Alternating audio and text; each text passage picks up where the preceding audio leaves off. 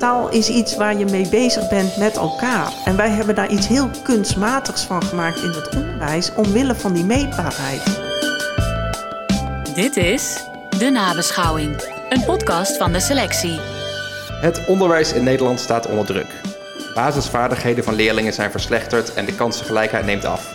De coronapandemie en het lerarentekort hebben hier geen positieve invloed op gehad. De onderwijsinspectie pleit in haar jaarlijkse rapport De Staat van het Onderwijs 2023 voor een stabiele lange termijnstrategie om de neergaande trend te keren. Met andere woorden, als we het in de toekomst beter willen doen, moet er iets veranderen. In deze aflevering van de nabeschouwing gaan we daarom in op de vraag: hoe leiden we leerlingen op voor de wereld van morgen? Mijn naam is David Och van de selectie en ik zit hier met mijn collega Charlotte Bosveld aan tafel met Karin Heij en Door Nubé. Door is directeur van het ROC Nova College. En Karin is zelfstandig ontwikkelaar en expert op het gebied van toetsen. Charlotte werkt als strategisch adviseur bij de selectie, onder andere voor onderwijspartijen. Leuk dat jullie hier zijn en dat jullie er tijd voor gemaakt hebben. Willen jullie jezelf nog even verder voorstellen? Uh, door, mag ik bij jou beginnen? Ik ben Door Nubé, ik ben directeur bij het Nova College in uh, Haarlem. Uh, daar ben ik verantwoordelijk voor de studentbegeleiding, de studenten die een extra steuntje in de rug nodig hebben. Voor MyTalent. En MyTalent is een school die is uh, ontwikkeld voor uh, jongeren in een kwetsbare positie. Dat hebben we kort geleden gedaan. En daar zitten de entree-studenten en de niveau 2 studenten zijn in de school vertegenwoordigd. het mbo-onderwijs heeft vier niveaus. En het entreeniveau is het startniveau. Dat geeft ook een diploma om daarna het beroepsonderwijs verder in te kunnen gaan. En uh, elke niveau is een stapje verder richting beroepsbekwame studenten. Mijn naam is Karen Heij. Ik, ik zeg van mezelf dat ik toetsexpert ben. Ik ben bijna 40 jaar in de wereld van toetsing en examinering bezig. Tijdens mijn studie toegepaste taalwetenschap, waarin ik vooral met Nederlands als tweede taal bezig was, ben ik al geboeid geraakt door het hele onderwerp toetsen. Toetsen gerelateerd aan taalontwikkeling en dat heb ik verder verbreed naar uh, toetsing meer in zijn algemeenheid. Ik ben heel lang uh, directeur geweest bij bureau ICE, een van de aanbieders van een eindtoets basisonderwijs. En in 2016 heb ik besloten dat ik eigenlijk een proefschrift wilde schrijven over toetsing in Nederland. En ik heb dat gewijd aan de, de, eindtoets en de functie van de eindtoets. Mijn naam is Charlotte Bosveld. Ik ben adviseur bij Adviesbureau De Selectie. En wij werken veel in het sociaal domein en ook veel in onderwijs. Ik heb veel voor verschillende onderwijsopdrachtgevers opdrachten gedaan. Um, we helpen ze vaak met organisatiestrategieën, dus niet het onderwijsvak zelf, maar daardoor hoor je wel natuurlijk heel veel over nou, wat thema's zijn die spelen in, in dat veld. En dat uh, nou, vind ik ontzettend interessant, dus leuk om hier uh, met jullie over in gesprek te gaan. Nou, we gaan zo een aantal uh, thema's induiken. Die gaan over de uitdagingen in het onderwijs en natuurlijk hoe we die aan kunnen gaan. Maar dan is het ook handig dat we van elkaar weten, wat verstaan we nou eigenlijk onder goed onderwijs? En daarom wil ik beginnen met de vraag, van wat zien jullie nou als de essentie van goed onderwijs? Als je het heel kort houdt, vind ik goed onderwijs. Uh, onderwijs dat echt een bijdrage geeft aan uh, leerlingen, studenten, om daarna volledig te kunnen participeren en, uh, als een volwassene in de samenleving ja, daar kan ik me persoonlijk uh, heel erg bij aansluiten. Wat ik wel als kanttekening zou willen maken, dat het heel lastig is in Nederland dat we eigenlijk allemaal onze eigen definitie verzinnen van goed onderwijs, omdat we dat met elkaar niet hebben afgesproken of vastgelegd. En dat maakt ook dat iedereen zijn eigen definitie geeft van goed onderwijs. En dat maakt het ook wel lastig, want dan kun je van beleid ook niet goed vaststellen of dat nou uh, dienstbaar is aan die bedoeling of niet.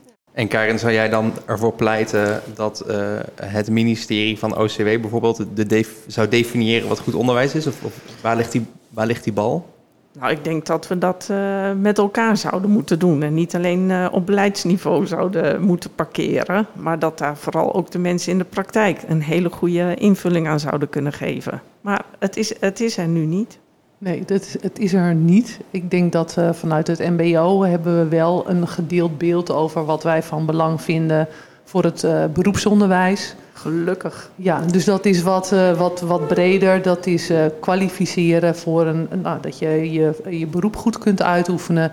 Socialisatie is een belangrijk onderdeel en ook, en dat vind ik ook heel belangrijk, uh, persoonsontwikkeling. En daar houden alle MBO's zich wel aan. Dus het is dan niet in de wet verankerd, maar het is wel een richtlijn die uh, de MBO, het MBO-onderwijs uh, omarmt. Ik werk zelf voor een, um, een samenwerkingsverband van een aantal basisscholen. En zij hebben van de onderwijsinspectie een onvoldoende uh, gekregen. Daar hebben ze heel hard gewerkt een voldoende weten te trekken. Nou, echt heel goed gedaan. En uh, ze hebben ons gevraagd, de selectie gevraagd, om hen te helpen richting een goed te gaan, daar een strategie voor te maken. En een van de eerste dingen die we met elkaar bepaald hebben is eigenlijk, maar willen we het goed doen voor de onderwijsinspectie of willen we het goed doen voor onszelf? En eigenlijk was de afdronk, we willen het goed doen voor onszelf. En dat vraagt er dan dus om dat je gaat definiëren wanneer doen we het dan goed? Wat vinden wij dan goed onderwijs? Er zijn heel veel onderwijskundigen die daar uitspraken over hebben gedaan. Dus je komt er wel, maar er is heel veel mogelijk. Ja, die gemeenschappelijke basis, nou, ik herken wel dat die er inderdaad uh, niet is. Het geeft veel vrijheid ook. Nou ja, je kunt er twee kanten mee op. Ja. Je kunt daar de vrijheid van zien en de ruimte pakken. En dan ook gaan staan voor wat jij als kwaliteit definieert. En ik zeg ook altijd, dat is wel een wezenlijk verschil. Ik vind dat niet een semantische kwestie. Ga je nou verantwoording afleggen of verantwoordelijkheid nemen? Ja. En ik pleit heel erg voor het laatste. Het ligt niet vast wat de bedoeling is, dus je moet daar zelf keuzes in maken en dan moet je er ook voor gaan staan. Voordat we kijken naar de wereld van morgen, staan we stil bij vandaag. In mei dit jaar is de staat van het onderwijs 2023 uitgekomen. En dat is het jaarlijkse onderzoek van de onderwijsinspectie dat ze in opdracht van het ministerie van OCW maken. Dat is een heel uitgebreid rapport met heel veel bevindingen. Dus ik ga het tekort doen met de samenvatting die ik nu geef. Uh, maar in essentie geeft de onderwijsinspectie aan dat zij zich zorgen maken en dat ze daar een aantal redenen voor hebben. Uh, als eerste namelijk dat de basisvaardigheden, dat zijn taal, rekenen en burgerschap, in het basisonderwijs zijn die niet op orde. En dat werkt door in het voortgezet onderwijs. Er is ook leervertraging, met name door corona. Het welzijn van leerlingen en studenten staat onder druk. En als laatste zeggen zij, er is ook nog onvoldoende kansengelijkheid in het onderwijs. En dan met name voor kinderen met een migratieachtergrond of met kinderen die ouders met een laag inkomen hebben. Nou, op verschillende onderdelen schetst de onderwijsinspectie gelukkig ook lichtpuntjes. Ook in de bereidheid van leraren, schoolleiders en besturen om met deze punten aan de slag te gaan. Maar het algehele beeld is op dit moment toch vrij pessimistisch. En daarom pleit de inspectie ook voor een lange termijn strategie. En ik ben benieuwd of jullie deze bevindingen herkennen en ik wil jullie de volgende stelling voorleggen. En die stelling is: als we niet bijsturen, dan koerst het Nederlandse onderwijs af op een crisis. Hoe kijken jullie daarnaar? Ik zou willen zeggen dat we al een crisis hebben. En die crisis die heeft misschien wel wat te maken met de punten die de onderwijsinspectie noemt. Maar de allergrootste crisis is natuurlijk wel dat we niet voldoende mankracht hebben om onze kinderen les te geven. En dan kun je wel heel erg drukken op resultaten. Maar je zult het toch eerst moeten doen met de mensen die er uh, wel zijn. Om te zorgen dat we die behouden en dat we die in staat stellen om nog zo goed mogelijk uh, in het onderwijs actief te kunnen zijn. Ja, precies. Dus die crisis die, die, die is er eigenlijk al. Die is er al. En dan kun je de komende jaren uittekenen dat als we niet genoeg onderwijzend uh, personeel hebben of kwaliteit van onderwijzend personeel, dat dat gevolgen zal hebben voor onze kinderen. Ja. Herken jij dit? Nou, ik ben in de gelukkige omstandigheid dat ik het uh, nog niet herken. Wij hebben, we kunnen uh, gekwalificeerde docenten nog steeds vinden. Als ik kijk naar de inhoud, herken ik de bevindingen van de inspectie. Dus ik herken elders is, het, is er al een crisis in de zin van dat er te weinig professionals voor de klas kunnen staan. Aan de andere kant denk ik ook dat we aan het curriculum en de inhoud en de wijze waarop wij het onderwijs vormgeven, dat daar echt ook nog wel slagen te maken zijn om uh, het onderwijs aantrekkelijker te maken voor studenten, zodat ze makkelijker door het onderwijs rollen met meer autonomie, uh, met meer plezier. Waar ik me persoonlijk zorgen over maak is het taalonderwijs. Taal heb je toch nodig om te kunnen participeren, om dingen te kunnen begrijpen, om met andere mensen te kunnen communiceren. En wij zien het taalniveau van studenten echt heel hard achteruit gaan. En dat is wel een, uh, een grote zorg die ik heb. Ja, die deel ik ook met jou. Kijk, uh, wat we zien is dat taalontwikkeling in de volle breedte heel erg belangrijk is. Um, en wat we zien gebeuren in onderwijs is dat we die uh, taalontwikkeling heel erg versmalt zien, nu terug in het onderwijs, omdat de eindtoets maar zo beperkt aandacht besteedt aan taalvaardigheid en de eindtoets steeds belangrijker is geworden in het onderwijs.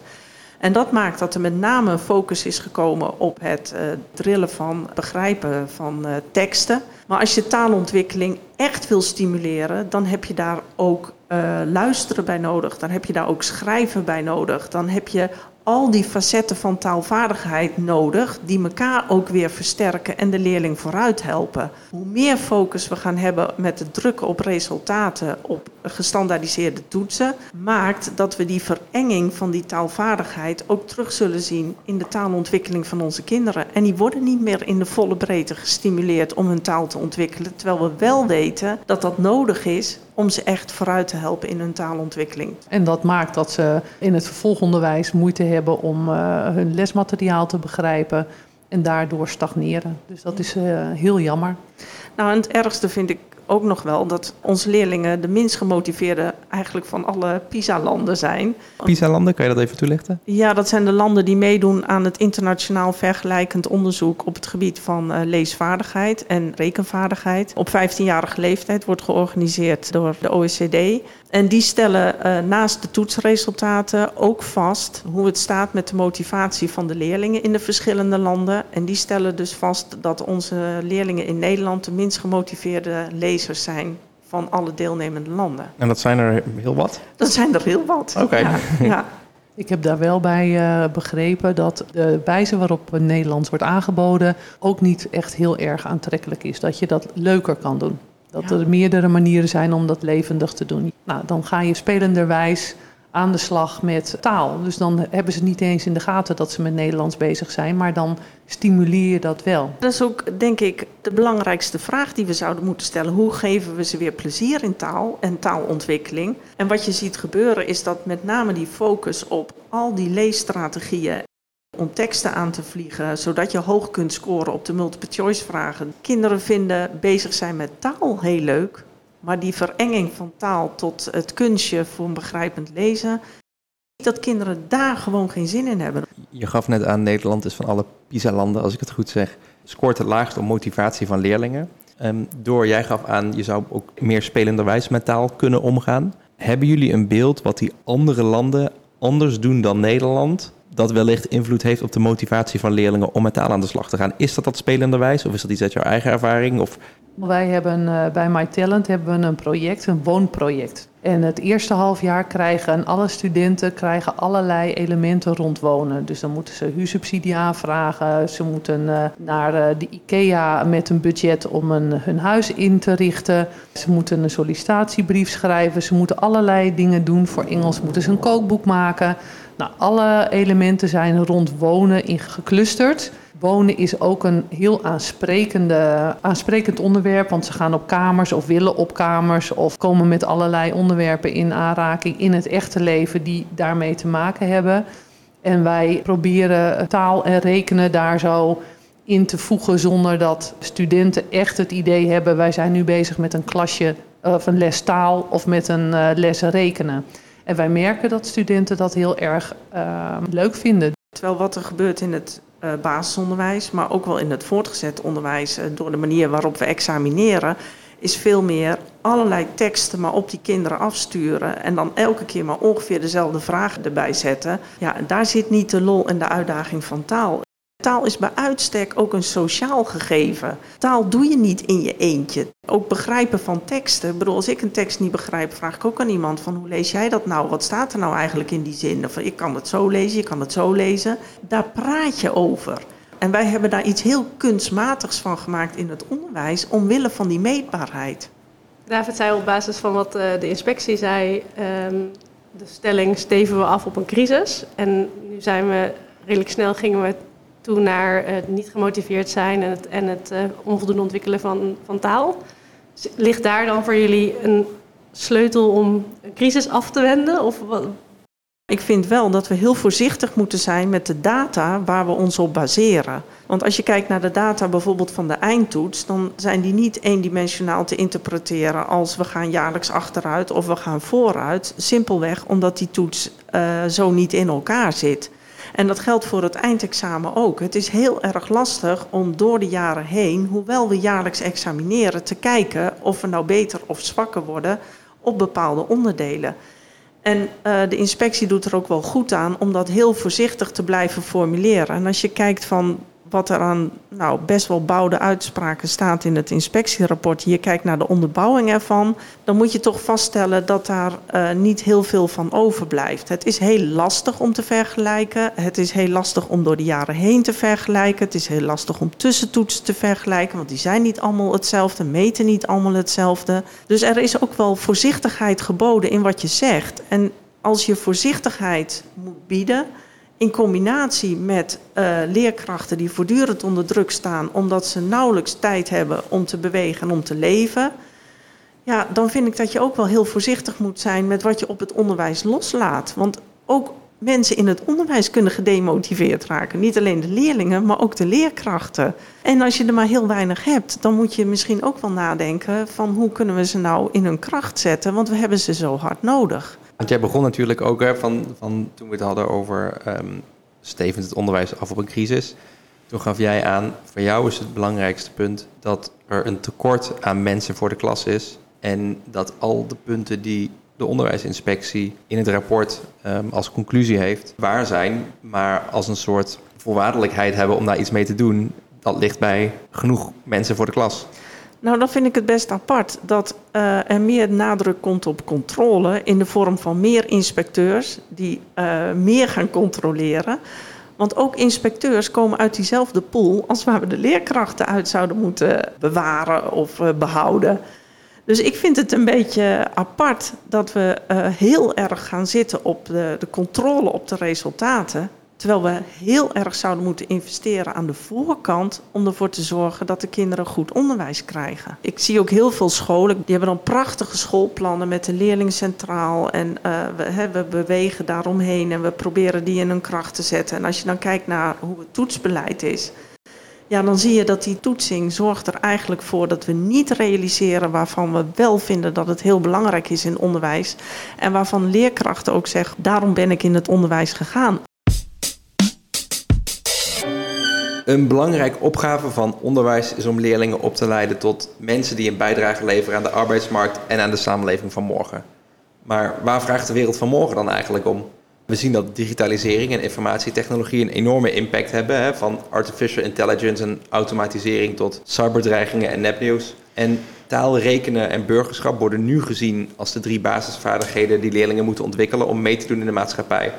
Maar is dat wel voldoende voor de digitale wereld van morgen? En de stelling die ik jullie daarbij wil voorleggen is: de digitale wereld vraagt om een radicaal ander curriculum dan scholen nu onderwijzen.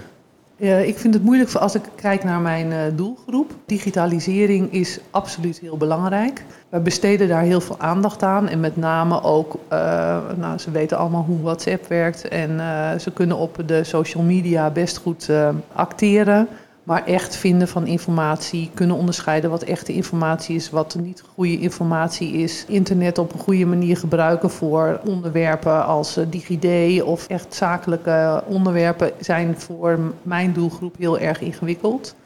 Tegelijkertijd is digitaal onderwijs aanbieden of hybride onderwijs is ook weer niet echt passend.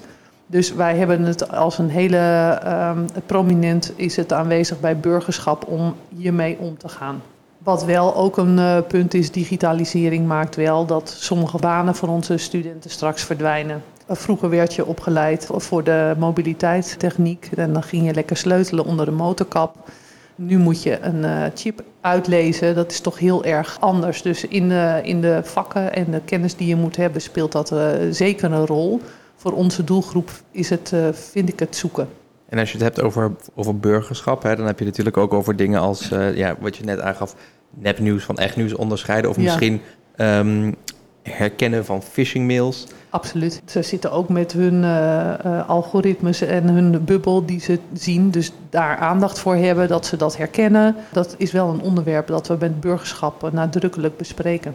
De hele digitalisering is een, is een trend die de samenleving ook kenmerkt, waardoor uh, het contact met de overheid steeds meer gedigitaliseerd is. En die overheid die spreekt tot, uh, tot de mensen in de samenleving op een heel hoog taalniveau. Dus de teksten zijn talig heel uh, moeilijk toegankelijk. Dus het vragen van hulp en het hebben van hulp om, de, om die overheid te begrijpen in zijn uitingen daar, daar, daar zal geen eind aan komen. Want het is onmogelijk om iedereen uh, op te leiden tot een leesvaardigheidsniveau dat ze de overheid kunnen begrijpen. Ja, het opleiden voor die digitale toekomst vraagt eigenlijk ook iets van degene die die toekomst vormgeven, namelijk die overheid, dat die ervoor gaat zorgen dat burgers dan ook inderdaad terecht kunnen bij uh, die informatie en dat die informatie begrepen wordt. En het andere dat is, moeten we het onderwijs verder digitaliseren door meer hybride onderwijs te geven. Ik denk dat onderwijs bij uitstek de plek moet zijn waarin we een mini-samenleving vormen en dat burgerschap er vooral in bestaat dat we met elkaar in die klas die mini-samenleving ook vormgeven, ervaren, dat we daarin begrensd worden en dat dat hybride onderwijs gaat dat niet mogelijk maken. Ook de corona heeft uitgewezen dat ja. uh, met name de, de, sociale functie van een school echt ja. heel erg uh, belangrijk is. Ja, essentieel. Ik, ik, word ook, ik krijg echt bijna jeuk als ik hoor van leeromgeving. Terwijl ik denk, nee, we hebben te maken met een school, met een onderwijscontext. En in onderwijs is tijd om aan elkaar te wennen en met elkaar te leren omgaan. En dat is niet alleen maar gericht op kwalificatie wat, is, uh, wat de term leeromgeving uh, suggereert. Dan zal je helemaal jeuk krijgen van de term digitale leeromgeving. Ja, ja. ja. is het, is het um, vormgeven aan een mini-maatschappij, dat doe je met elkaar in, in de context van een klas, leerlingen, docent erbij. Tegelijkertijd dat er ook een enorm lerarentekort is. Ik kan mij voorstellen dat het hybride onderwijs, dat die uit noodzaak geboren is. Corona is natuurlijk een hele aanwijsbare duidelijke oorzaak, want we konden niet bij elkaar komen. Uh, maar je kan je ook voorstellen dat iets van schaalvergroting van grotere klassen of een les die meerdere keren wordt herbruikt of zo, dat dat uh, eigenlijk heel een efficiënte manier is van informatie overdragen. Ik zeg niet dat het een goede manier is van onderwijs verzorgen, maar ik kan me voorstellen dat het bijna een noodgreep is om toch nog onderwijs te kunnen verzorgen in een tijd van schaarste van, van docenten. Ja, ja, ik, uh, ik hoor ook dat je zegt onderwijs, hè, uh, overdragen van leerstof. Ja. Maar de vraag is wat onderwijs nu precies is. Hè, is dat dat je informatie gehoord hebt? Of is dat dat je het gaat ervaren, dat je het gaat meemaken? En misschien moeten we het lerarentekort veel meer gaan bekijken vanuit het perspectief van samenwerkingsopdrachten, waarbij je dus niet voortdurend één op één uh, directe instructies zou kunnen geven, maar waarbij leerlingen ook met elkaar aan de slag kunnen gaan. Ik geloof heel erg in uh, een leraar voor de klas die overdraagt, uh, maar dan ook de normen en waarden en niet alleen de, de inhoud van de leerstof. Dus ik ben er erg warm voorstander van dat we op alle mogelijke manieren blijven zoeken naar mogelijkheden om kinderen met elkaar naar school te laten gaan. En inderdaad, wat jij zei over corona, we hebben gewoon gezien hoe onze leerlingen eronder geleden hebben.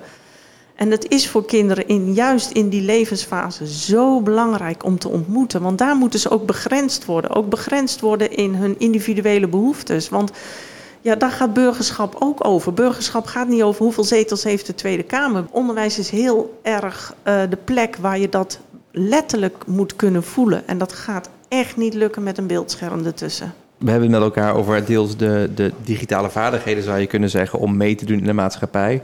Uh, en iets anders is gewoon de manier waarop je je, uh, je onderwijs digitaal vormgeeft. Zijn docenten zelf digitaal vaardig genoeg om leerlingen daarbij te kunnen helpen? Um, tijdens corona zijn uh, docenten heel snel veel digitaal vaardiger geworden. Niet iedere docent is even digitaal vaardig uh, als de andere. Dat is wel een, uh, een onderwerp waar aandacht aan besteed moet worden. Elke generatie worstelt met het vraagstuk hoe bereid je voor op de toekomst.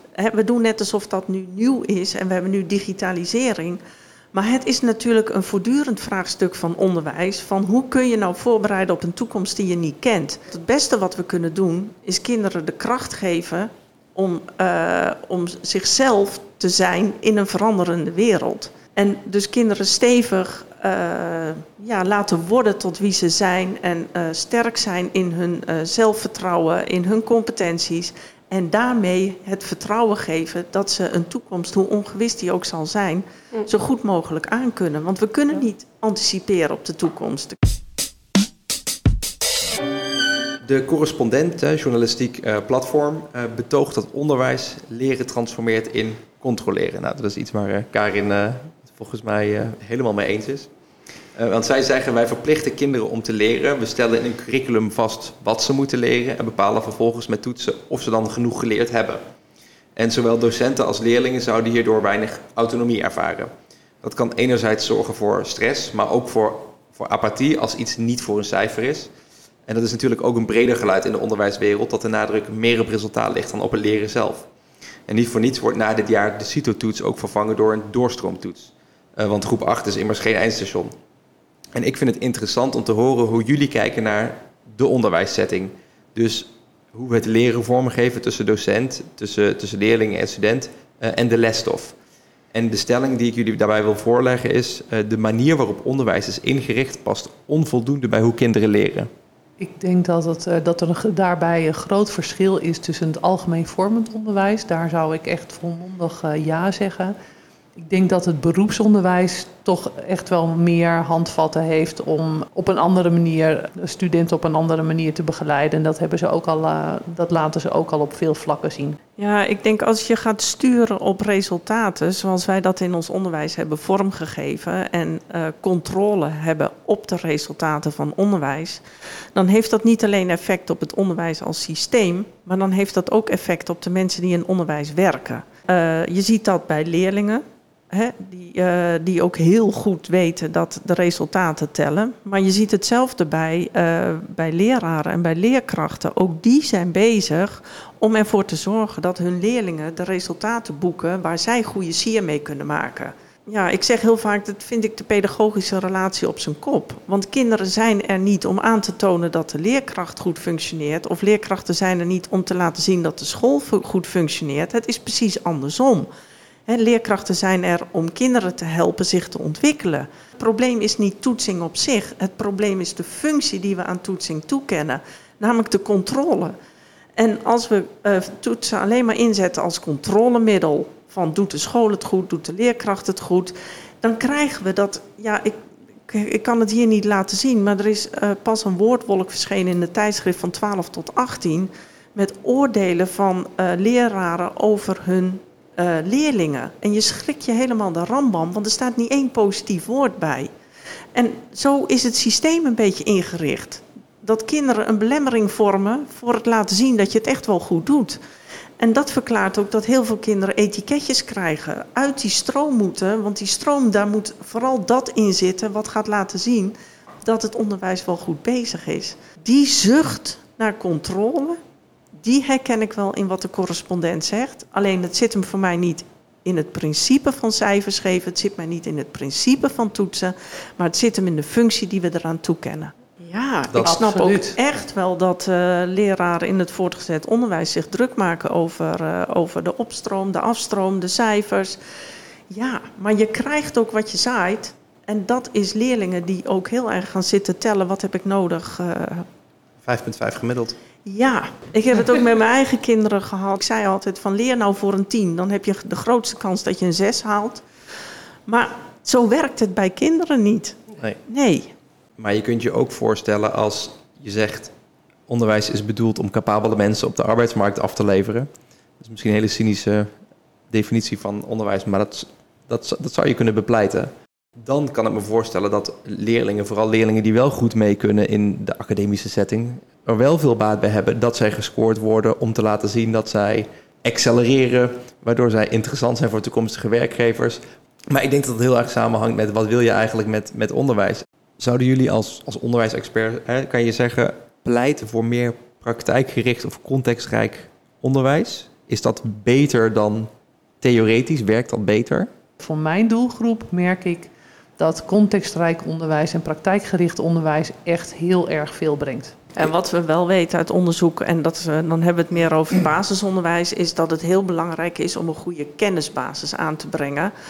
En uh, dus dat kinderen veel weten van veel onderwerpen. Want dat helpt ze ook met, met lezen, met praten, met hun uh, burgerschap. Dus het aanbrengen van, van veel kennis van de samenleving en veel kennis over de verschillende onderwerpen. Dus ik vind wel dat we echt een uitdagend curriculum moeten hebben met een enorme kennisbasis waar we leerlingen mee aan de slag laten gaan. Hoe organiseren we het onderwijs van morgen? Volgens de onderwijsinspectie zijn daar een robuuste basis, eerlijke kansen en goed toegeruste leraren voor nodig. En vooral in dat laatste moet geïnvesteerd worden. Daar spelen schoolleiders en bestuurders en uiteindelijk politiek natuurlijk een belangrijke rol in. Zij moeten de voorwaarden creëren waarbinnen die leraren zich kunnen ontwikkelen. Tegelijkertijd is er een schrijnend tekort aan leraren en schoolleiders en lukt het simpelweg niet om te werken aan lange termijn doelen. In de drukte van de dag komt gewoon onderwijs geven namelijk altijd op één. En de vraag die ik daarbij heb is, wat, wat kunnen scholen nou zelf doen om hun onderwijs toekomstbestendiger te maken? En wat moet er op andere niveaus, dus buiten die scholen, om gebeuren om dit voor elkaar te krijgen? Nou, laat ik dan beginnen wat, uh, wat, wat OCMW kan doen. Uh, meer regelluwte aanbrengen. Er zijn sommige dingen die echt heel erg geregeld zijn en laat, gewoon, laat dat gewoon meer los. Als ik ga kijken naar wat kunnen scholen zelf, ik denk dat scholen heel veel zelf kunnen binnen de regels die er nu zijn. Als je kijkt naar wat, wat geeft goed onderwijs, dan zijn er ook heel veel uh, dingen die je kunt invullen die ja, niks kosten.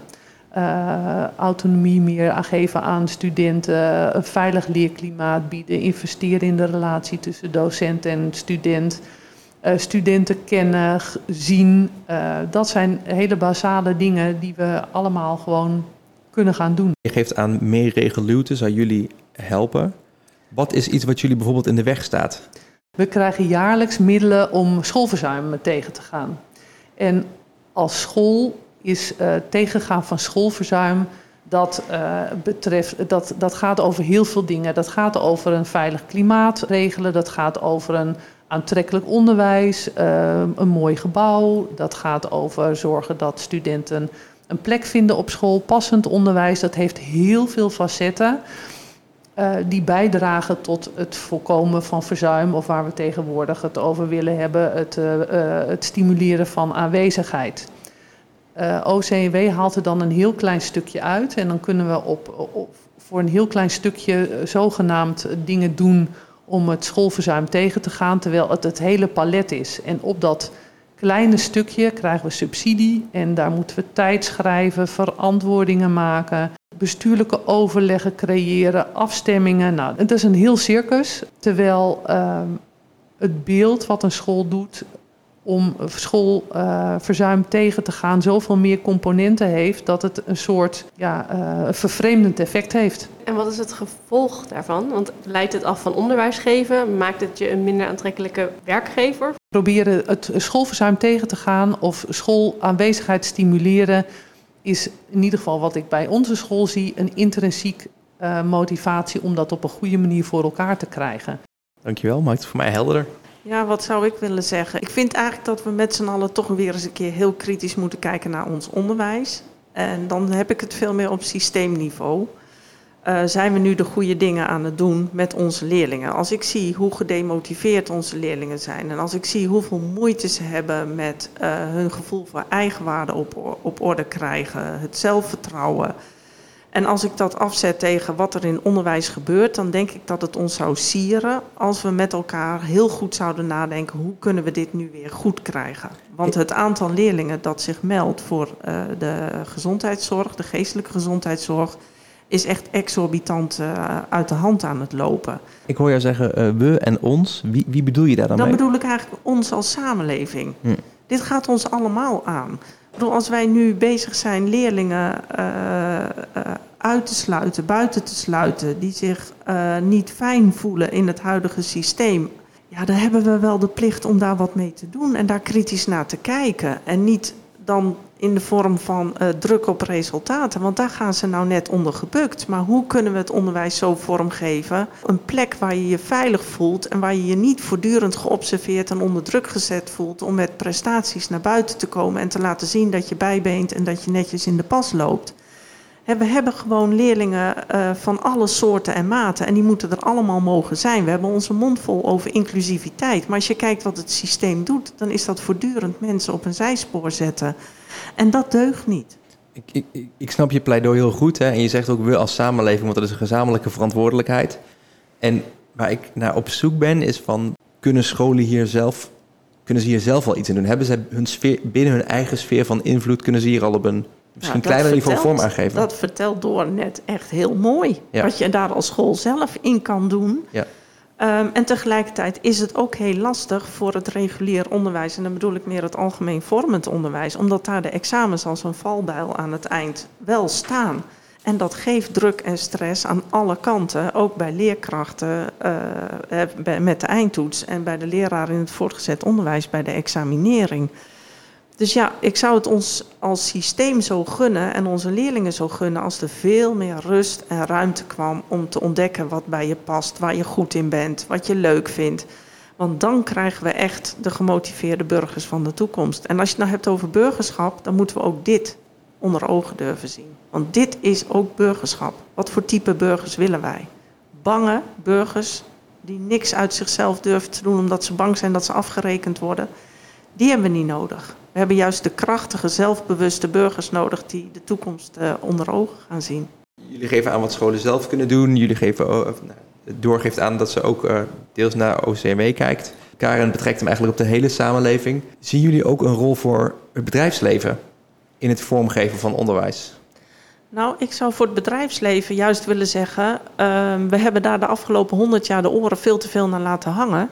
En, en, we hebben in Nederland, en echt als je dat internationaal bekijkt, is het best opvallend hoezeer in Nederland het onderwijsstelsel werkt als een voorselectie voor die arbeidsmarkt. Dat is best heel bijzonder. En ik zou het uh, Nederland wel gunnen als we eens wat minder vanuit de arbeidsmarkt zouden redeneren, maar veel meer vanuit burgerschap. Ja, dus wat voor burgers wil je hebben in je maatschappij en niet wat voor ja. werknemers wil je in je bedrijven? Nou ja, het, het onderwijs fungeert nu eigenlijk als een soort selectie uh, basisselectie voor het uh, bedrijfsleven. Die hoeven eigenlijk alleen nog maar te kijken, uh, past die in ons team en is die een beetje, nou ja, wat wij zoeken. Maar als het gaat over de diploma's, dan hebben ze dat allemaal geparkeerd als selectieprocedure in het voortgezet onderwijs of in het beroepsonderwijs. En ik zou er wel voor willen pleiten dat we veel minder vanuit een arbeidsmarktperspectief kijken, maar veel meer vanuit een samenlevingsperspectief naar ons onderwijs. Hoe kijk jij daarnaar? Want uh, MBO staat natuurlijk voor, ja. voor beroepsonderwijs. Ik deel de mening van Karin dat ik vind dat de persoonlijke ontwikkeling van, van studenten eigenlijk primair zou moeten zijn. Tegelijkertijd zie ik hele mooie samenwerkingen met het bedrijfsleven om de uh, opleidingen uh, interessanter te maken, mooier te maken, meer richting te geven. Alleen, nou ja, dus ik zie, ik zie dat bij elkaar komen. Beste Karin en, en Door, dank jullie wel voor dit mooie gesprek en voor jullie tijd. En fijn dat jullie onze gast wilden zijn. Eh, tot slot vragen we onze gasten altijd naar een lees, een kijk of een luistertip. Of dat nou een boek of een Netflix-serie of een andere podcast misschien is. Wat raden jullie ons aan? Wat mij persoonlijk de ogen heeft geopend als het gaat om, uh, om onderwijs en uh, met name examinering, een beetje mijn specialiteit. Dan is het het boek van Foucault, Toezicht, Discipline en Straf. En um, ja, hij vergelijkt examinering feitelijk met een uh, positie van een gevangene in een gevangenis. Als je leest hoe hij dat onderbouwt, dan kan ik niet anders dan uh, zeggen dat het mij uh, de ogen behoorlijk geopend heeft. Dus dat... En anderzijds denk ik ook heel vaak terug aan de film Avoir, een film van nou, misschien twintig jaar geleden zoiets. Waarin een leraar van een dorpsschooltje ergens midden in Auvergne in Frankrijk werd gevolgd een, een jaar lang. En dat je denkt, ja, zo heel ingewikkeld is goed onderwijs toch ook weer niet. Uh, door, heb jij nog een mooie tip voor ons? Ik heb ook een tip en dat is uh, de documentaire Onderdrukt. Onderdrukt en dan T tussen haakjes van Zeno Groenewegen. Volgens mij is die net uitgekomen en wat ik daar mooi aan vond is hoe eigenlijk het onderwijs uh, door de geschiedenis, en dat wordt dan heel kort verteld, zo is gekomen als het is en wat daar goed aan is. En wat eventueel ook uh, anders kan. Dus dat vond ik wel een, dat zou een mooie samenvatting misschien ook zijn van uh, het gesprek wat wij nu met elkaar hebben gevoerd. Dankjewel Karin, Door en natuurlijk ook mijn collega Charlotte. Uh, en ook bedankt jullie beste luisteraars. Dit was de nabeschouwing, de eerste aflevering van seizoen 5. Bedankt voor het luisteren. Heb je tips? Laat het ons vooral weten. Laat een fijne review achter of deel deze podcast met anderen, zodat meer luisteraars ons weten te vinden. Mijn naam is David en ik speel met nummer 93 voor de selectie. Tot gauw.